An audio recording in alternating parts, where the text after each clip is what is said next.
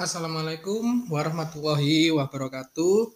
Jumpa lagi dengan mata kuliah wisata kesejarahan. Kali ini saya akan mencoba menjelaskan, mengeksplor bagaimana peran komunitas itu dalam membangun konsep pariwisata ya khususnya nanti teman-teman bisa aplikasikan wisata berbasis komunitas atau community based tourism itu di dalam konsep wisata kesejarahan ya. Uh, selain itu juga manfaat belajar CBT nanti bagaimana teman-teman uh, berkembang atau develop nanti kepada sebuah konsep wisata yang nantinya teman-teman akan kembangkan sendiri ya. Bagaimana konsep community based tourism itu sih? Yuk mari kita simak bersama ya. Konsep dasar pembangunan berkelanjutan menurut menurut United Needs Conference and Environment and Development atau UNCED ya punyanya PBB yaitu pembangunan yang memenuhi kebutuhan dari generasi sekarang tanpa mengurangi kemampuan dari generasi mendatang untuk memenuhi kebutuhan mereka. Ya, pada dasarnya konsep ini adalah konsep berkelanjutan bagi dunia pariwisata. Untuk pertama kalinya muncul konsep yang mencoba mempertemukan aspek-aspek pembangunan ekonomi dan konservasi lingkungan atau ekologis. Jadi di sini dalam konsep CBT itu ada kata kunci yaitu ekologi yang merupakan keberlanjutan dari wisata. Konsep tersebut memiliki makna yang luas yang menjadi payung bagi banyak konsep, kebijakan, dan program pembangunan yang berkembang secara global. Pembangunan berkelanjutan merupakan paradigma baru yang memiliki interpretasi, konsep atau aksi yang beragam. Ini menurut Baikuni ya. Selanjutnya, perkembangan berkelanjutan didefinisikan dalam caring of the earth sebagai upaya peningkatan mutu kehidupan manusia, namun dalam kemampuan daya dukung ekosistem. Nah, ini bisa kita lihat konsep lingkungan itu sangat kuat dalam eh, proses konteks pembangunan CBT itu. Kemudian menurut IISD bersama kalangan bisnis mengajukan definisi pembangunan berkelanjutan sebagai adopsi strategi-strategi bisnis dan aktivitas mempertemukan kebutuhan perusahaan dan stakeholder pada saat ini dengan cara melindungi, memberlanjutkan, serta meningkatkan sumber daya manusia yang dalam dibutuhkan dalam masa mendatang. Ya, bisa kita bayangkan kalau bagaimana pembangunan wisata berbasis kesejahteraan ini tidak berbasis komunitas yang nantinya diaplikasikan kepada proses keberlanjutan lingkungan, tentu di masa mendatang anak cucu kita tidak akan bisa menikmati keindahan wisata tersebut.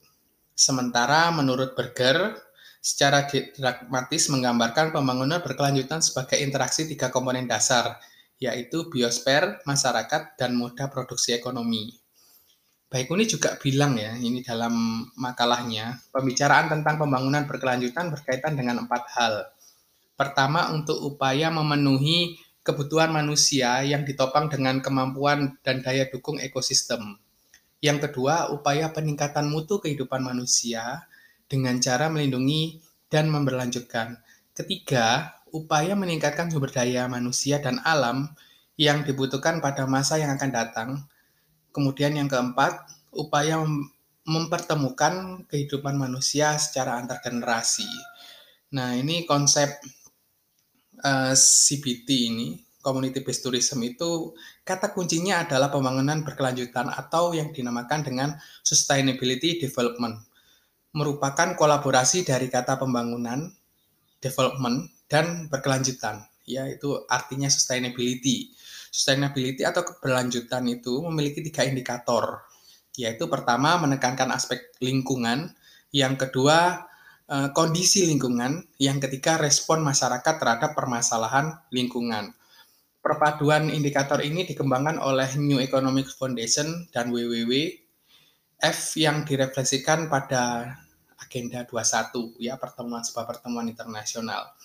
Kalau kita ambil contoh kasus di Batu, Jatipak Batu, ini uh, community development-nya itu society-nya atau CSN-nya dari Jatim Park Group ya. Ada Jatim Park Group 1, 2, 3 itu uh, sedang mengalami apa yang namanya permasalahan dengan lingkungan. Bisa kita lihat limbah wisata dari Jatim Park 1, Jatim Park 2, Jatim Park 3 itu sangat mempengaruhi keberlangsungan umat manusia khususnya bagi masyarakat sekitar yang selalu mengeluh terhadap limbah ya pengelolaan limbah pengelolaan sampah dari yang ditemukan dari wisata. Nah inilah uh, selalu saya tekankan bahwa pembangunan wisata itu adalah menyoal keberlanjutan nanti soal lingkungan nanti ke depannya bagaimana. Ini harus teman-teman pahami secara bersama. Pembangunan Berkelanjutan merupakan konsep yang mensejajarkan dua pandangan aliran yaitu teori pembangunan atau bisa disebut juga konteks pembangunan dan keberlanjutan lingkungan. Ini merupakan konsep prinsip dan tujuan pembangunan berkelanjutan seperti pada yang saya jelaskan di atas. Keterkaitan bagaimana dengan pembangunan berkelanjutan yang disampaikan Sapli itu uh, juga mereka menyatakan bahwa keberlanjutan itu tidak hanya lingkungan tetapi juga sosial. Gottlieb menyampaikan secara eksplisit social sustainability sebagai related concern, ya concern yang selalu berhubungan dalam organisasi internal antara masyarakat dan manusia dan masyarakat dan dunia, di mana saling ketergantungan makin meningkat. Untuk itu, menurut Gottlieb, etika pembangunan itu sangat penting, termasuk di dalamnya adalah kearifan lingkungan Menurutnya tidak akan ada etika pembangunan sosial tanpa kearifan lingkungan. Dan sebaliknya tidak ada kearifan lingkungan tanpa etika pembangunan sosial. Nah ini teman-teman harus lebih paham lagi bahwa membangun konsep wisata juga masih harus memperhatikan konsep keberlanjutan lingkungan. Nah, bagaimana sih konsep pariwisata berkelanjutan itu? Meski memperoleh perhatian khusus dari Akademi Pariwisata, praktisi pembangunan, ya beberapa tahun terakhir, namun literatur tentang konsep teori pariwisata sering kali gagal menghubungkan pariwisata dengan konsep pembangunan berkelanjutan sebagai kesatuan paradigma. Sehingga penerapan konsep pembangunan berkelanjutan dalam konteks pariwisata masih banyak diragukan. Hal ini menimbulkan keterkaitan atau ketertarikan dunia akademis untuk mendiskusikan konsep pembangunan pariwisata berkelanjutan. Ya, ini mengundang berbagai macam akademisi ya terhadap uh, keprihatinan ini. Definisi pembangunan pariwisata berkelanjutan bisa memiliki makna beragam. Orang dari banyak bidang yang berbeda menggunakan istilah berbeda dalam konteks ini. Ya, sehingga tidak memiliki bias makna atau makna ganda dalam pemahamannya.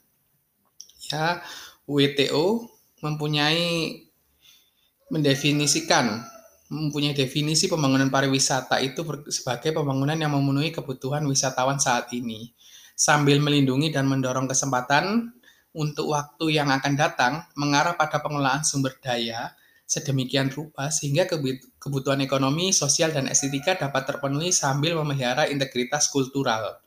Proses ekologi esensial, keanekaragaman hayati, sistem mendukung kehidupan. Ini Eh, lagi-lagi soal lingkungan ya konteks ini. Bagaimana tidak ada kata lanjut jika lingkungan tidak berlanjut. Ini sangat radikal sekali pernyataannya. Bahkan dengan upaya menemukan keterkaitan antara aktivitas pariwisata dan konsep pembangunan berkelanjutan ini mengkonsepkan pariwisata berkelanjutan sebagai pembangunan yang terfokus pada dua hal. Ya, pertama keberlanjutan pariwisata sebagai aktivitas ekonomi dan yang kedua ini keberlanjutan lingkungan. Ini kalau dikaitkan dengan sisi ekonomi ya. Jadi kalau tadi dengan masyarakat, kalau sekarang dengan ekonomi. Jadi selain memperhatikan profit dari konteks pariwisata, teman-teman juga harus memperhatikan dari konteks keberlanjutan lingkungan. Ya, ini uh, menurut Sapli, pembangunan pariwisata ini harus konsisten sejalan dengan prinsip-prinsip pembangunan berkelanjutan ya bahwa pariwisata berkelanjutan itu hubungan triangulasi atau sebab akibat yang saling terkait seperti itu ya yang seimbang antara daerah tujuan wisata dengan habitat manusianya. Pembuatan paket liburan wisata itu tidak ada satupun stakeholder yang merusak keseimbangan. Pendapat yang hampir sama dilakukan Muller yang mengusulkan istilah magic pentagon yang merupakan keseimbangan antara elemen pariwisata. Namun tidak ada salah satu faktor stakeholder yang mendominasi. Ini uh, sebagai kita lihat pariwisata saat ini sering kali mengabaikan ya, mengabaikan konteks lingkungan. Kita membuat uh, konsep wisata arung jeram, kita membuat spot foto, tetapi pada nyatanya ketika dikunjungi banyak orang itu itu dapat merusak lingkungan. Tersedianya sampah di mana-mana uh, terus limbah-limbah seperti kimia itu tidak diperhatikan. Inilah yang harus menjadi concern bagi para pemerhati pariwisata ya. Ini. Kalau uh, menurut Sabley mengacu pada prinsip dasar pembangunan berkelanjutan itu pendekatan holistik yang sangat penting untuk diterapkan secara umum pada konsep sistem pariwisata sendiri itu harus uh, harus fokus kepada individu daerah tujuan wisata atau sektor industri. Selama ini meskipun pariwisata diterima terintegrasi dalam sistem pembangunan sosial dan lokal, namun fokus utama pembangunan pariwisata berkelanjutan masih ke arah produk center ya. Jadi tidak heran bahwa tingkat operasional sulit mengatur penerimaan yang kompleks, fragmentasi, pembagian multisektor dari keuntungan pariwisata secara alamiah. Ini masih kita temukan ya bahwa eh, pariwisata itu ya manajemennya hanya sebatas itu-itu saja. Ya, pada saat yang bersamaan sektor yang berbeda dari industri pariwisata mengalami perkembangan ya sebagai tingkat mengadopsi kebijakan lingkungan. Dan meski kecil ya masih kecil prospeknya sekali itu tetapi sekarang sudah ada uh, niat baik ya niat baik untuk bagaimana pariwisata itu memperhatikan aspek-aspek lingkungan. Ya prinsip-prinsip keberlanjutan antar industri ini uh, juga menjadi penting bagi sebuah konsep pengembangan pariwisata itu membangun jejaring terutama dalam hal uh, memperhatikan konsep lingkungan itu ini Kemudian menurut Aronson ya tahun 2000 mencoba menyampaikan bahwa pokok aliran tentang interpretasi pembangunan pariwisata berkelanjutan itu harus yang pertama pembangunan pariwisata berkelanjutan harus mampu mengatasi permasalahan sampah lingkungan serta memiliki perspektif ekologi. Yang kedua, pembangunan pariwisata berkelanjutan menunjukkan keberpihakannya pada pembangunan berskala kecil yang berbasis masyarakat lokal. Nah, ini harus tetap ditekankan ya kita membangun pariwisata di sebuah desa tetapi eh, pekerja-pekerjanya bukan dari orang situ. Nah, ini akan menjadi masalah tersendiri. Kemudian yang ketiga, pembangunan pariwisata berkelanjutan menempatkan daerah tujuan wisata sebagai penerima manfaat dari pariwisata untuk mencapainya tidak harus mengeksploitasi daerah setempat. Nah, ini ini harus uh, ditekankan ya bahwa uh, uh, seperti itu menjadikan hal-hal poin penting ketiga poin penting itu.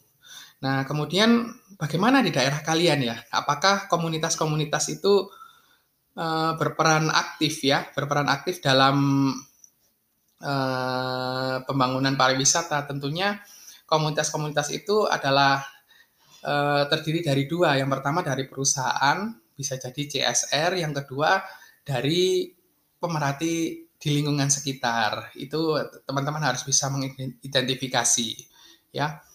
Sedangkan indikator yang dikembangkan pemerintah RI terhadap pembangunan pariwisata berkelanjutan adalah yang pertama, kesadaran tentang tanggung jawab lingkungan bahwa strategi pembangunan pariwisata berkelanjutan harus menempatkan pariwisata sebagai green industry, rumah yang ramah lingkungan yang menjadi tanggung jawab pemerintah, industri pariwisata dan wisatawan.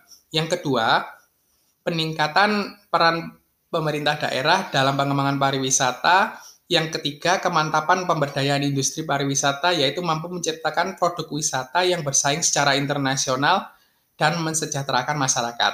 Ini yang menjadi garis bawah yaitu mensejahterakan masyarakat di daerah sekitar wisata. Jadi kalau teman-teman membangun wisata kesejarahan tetapi tidak bisa mensejahterakan masyarakat sekitar, ini masih dirasakan gagal dalam konsep pengembangannya. Kemudian yang keempat, kemitraan dan partisipasi masyarakat dalam pembangunan pariwisata yang bertujuan menghapus atau meminimalisir perbedaan tingkat kesejahteraan wisatawan dan masyarakat di daerah tujuan wisata untuk menghindari konflik dan dominasi satu hal antara satu hal dengan yang lain. Nah, ini hal ini didukung juga memberi perhatian pengembangan ya dalam usaha kecil oleh masyarakat lokal itu.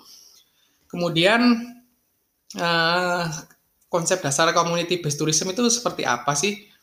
Terdapat dua pendekatan ya dalam konteks CBT berkaitan dengan prinsip-prinsip perencanaan dalam konteks pariwisata. Yang pertama, pendekatan cenderung dikaitkan dengan sistem perencanaan formal yang sangat menekankan keuntungan potensial dari ekowisata.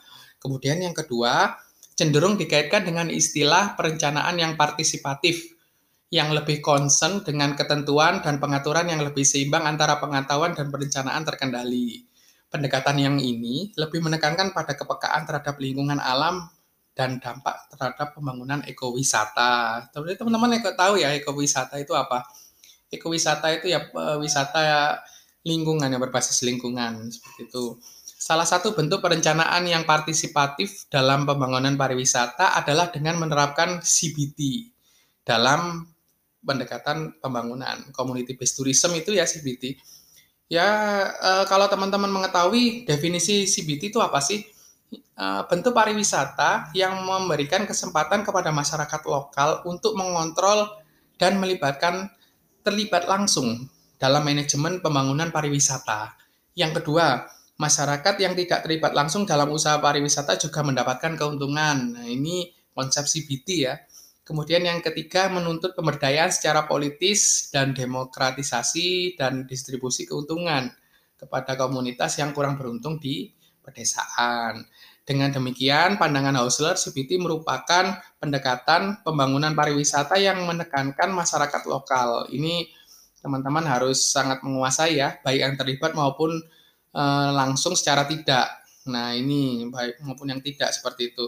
Dalam bentuk pemberian kesempatan atau akses dalam manajemen pembangunan pariwisata yang berujung pada pemberdayaan politis melalui kehidupan yang lebih demokratis, termasuk dalam pembagian keuntungan, dan kegiatan pariwisata harus lebih adil bagi masyarakat lokal. Jadi jangan masyarakat lokal itu uh, mendapatkan uh, yang suatu hal yang tidak adil ya, berarti lebih banyak masuk ke perusahaan, tetapi masyarakat lebih banyak sedikit itu jangan ya. Hauler menyampaikan gagasan tersebut sebagai wujud perhatian kritis pada pembangunan pariwisata. Ya ini ini harus uh, ditekankan ya bahwa kata kunci CBT selain dari lingkungan yaitu berpihak kepada masyarakat lokal itu teman-teman. Kemudian menurut Suwansri, CBT sebagai pariwisata yang memperhitungkan aspek keberlanjutan lingkungan sosial dan budaya. Ini ada konsep budaya lagi. CBT merupakan alat pembangunan komunitas dan konservasi lingkungan atau dengan kata lain CBT merupakan alat untuk mewujudkan pembangunan pariwisata berkelanjutan. Ini uh, konsep paham ya konsep CBT ini.